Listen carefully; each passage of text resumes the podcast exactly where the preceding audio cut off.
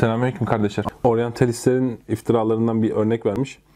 Önde gelen bir oryantalist olan Nöldeke, Ansiklopedia Britannica'da bir makalede Hz. Muhammed sallallahu aleyhi ve sellem Yahudi kaynaklarından aşırdığı haşa kella isimleri ve ayrıntıları karıştırmak suretiyle yani aldığı isimleri karıştırmıştır diyor.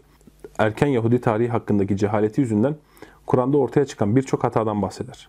En cahil Yahudi bile Haman'ı Firavun'unki veya Musa'nın kimliği belli kız kardeşi Meryem'i İsa'nın annesi Meryem'le karıştırmaz. Arabistan dışına ilişkin en büyük hata ise yağmurun neredeyse hiç görülmediği ve isabet etmediği Mısır'ın verimliliğinin Nil'in selleri yerine yağmura bağlı olduğunu söylemesi. Diyor ki Mustafa el Azam, hilekarlığından ötürü Nöldeke, Kur'an'ın Meryem'e Musa'nın değil, Harun'un kız kardeşi olarak atıfta bulunduğunu belirtmeyi göz ardı etmektedir. Mustafa el Azam diyor ki burada bir hile yapıyor diyor. Kur'an Musa'nın kardeşi demiyor, Harun'un kardeşi diyor. Harun Aleyhisselam biliyorsunuz Tevrat geleneğine göre ruhbanlık sırasının ilkindedir. Yani ondan gelir ruhbanlık silsilesi. Ve Meryem Aleyhisselam'ın hani kuzeni olan Yahya Aleyhisselam, bildiğimiz Yahya Aleyhisselam'ın annesi Elizabeth de aynı o Harun'un Harun Aleyhisselam silsilesinden gelmektedir. Bu yüzden sanki onun oğlu gibi nispet edilir diyor Yahya Aleyhisselam. Ve e, bu yüzden kardeşi ismini almıştır diyor. Hani Yahya Aleyhisselam olan kardeşliğinden ötürü bu ismi almıştır. Burada hile yapıyor diyor. Bir diğer açıklama Nebi Aleyhisselam'a da bu mesele soruluyor.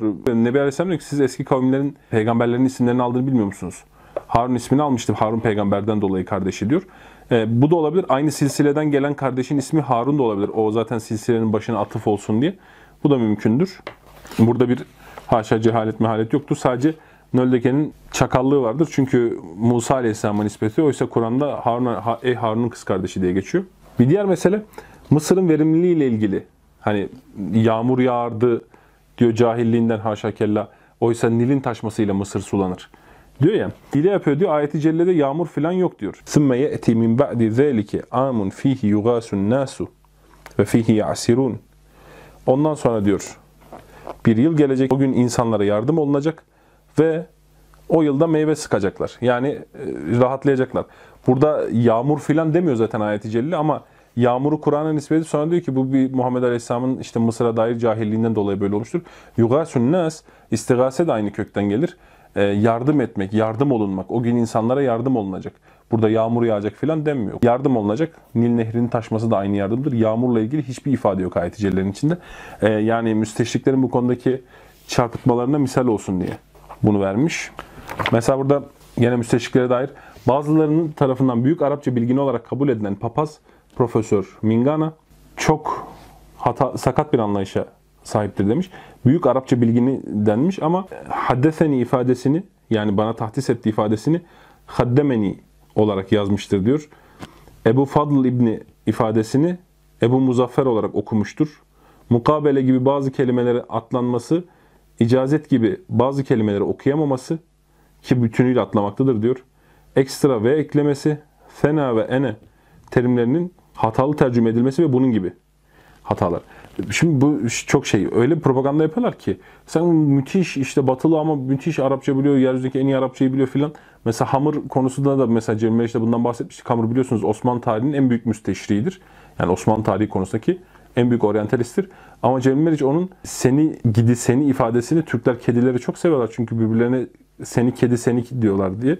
Gidiyi kedi diye okuduğundan bahsetmişti. Çok bunları gözümüzde büyütmeyelim yani. İslam'ı falan bizim gibi bilmiyorlar. Arapçayı bizim gibi bilmiyorlar ve ama reklam potansiyelleri çok yüksek. Yani şimdi burada problem nedir biliyor musunuz? Eskiden, eski çağlarda yani, İslam bu hallere gelmeden önce biz onların dinini araştırır ve onlara reddiye yazardık. Bu konuda çok meşhur olmuş alimlerimiz vardı. İşte Şehristani gibi, İbn Hazm gibi, İbn Teymiye gibi. Onların dinlerini araştırıp onlara reddiye yazacak, dinlerin detaylarına inebilecek.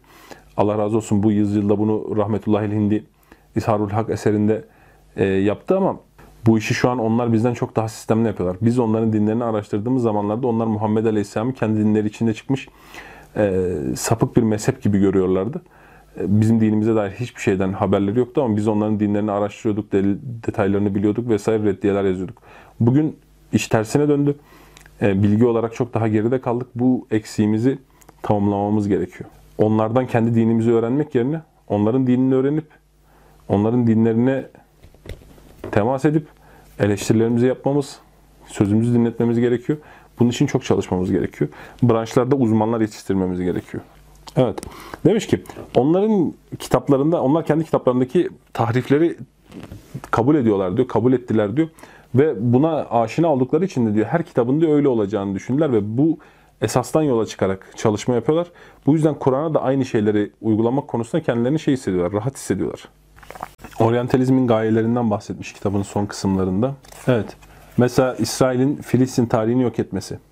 Sterling Üniversitesi'nde İskoçya'da dinler tarihi profesörü olan Kate Whittelam, kitab-ı mukaddes çevrelerinde büyük tartışma uyandıran ve Yahudi tarihinin ülkede İsraillilerden çok önce yerleşenlerin yani kadim Filistinlilerin geçmişini inkar etmek maksadıyla kitab-ı mukaddes bilginleri ve arkeologları özellikle de Siyonistler tarafından bir komplo ile karşı karşıya olduğunu savunduğu bir tebliğ yayınladı. Yani diyor ki biz bu konuda bir problem altındayız. Siyonistler bizi sıkıştırıyorlar ve İsrail'de daha önceden yerleşmiş olan Filistin halkının tarihini imha etmemizi istiyorlar.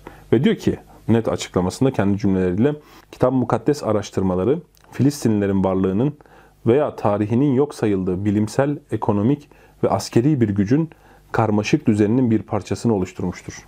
Evet, mesela Snok, Endonezyalı Müslüman kitleleri Hollanda sömürgesi altındayken İslam barış dinidir, Hollanda hükümetine karşı savaşmak caiz değildir vesaire diye vaaz veriyormuş.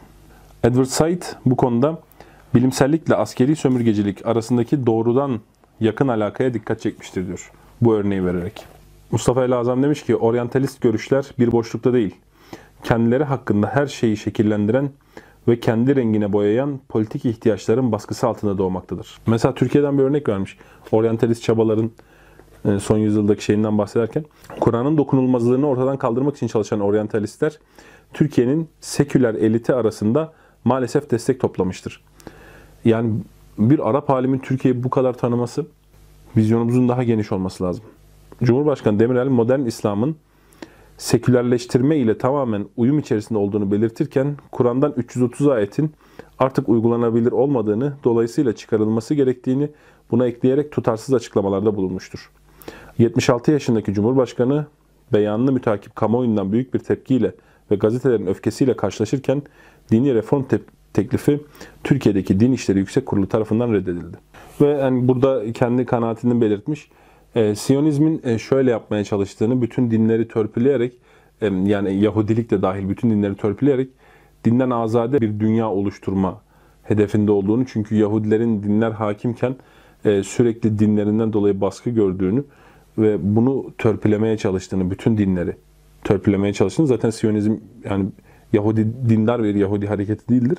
Bilinen haliyle en azından. Benzer şekilde çağdaş Siyonizm dinin bundan böyle birleştirici bir güç olarak yeterli olmayacağını iddia etmektedir diyor. Ve son söz olarak İbn Sirin'den şunu nakletmiş. Demiş ki bu ilim dindir. O halde dininizi kimden aldığınıza dikkat edin.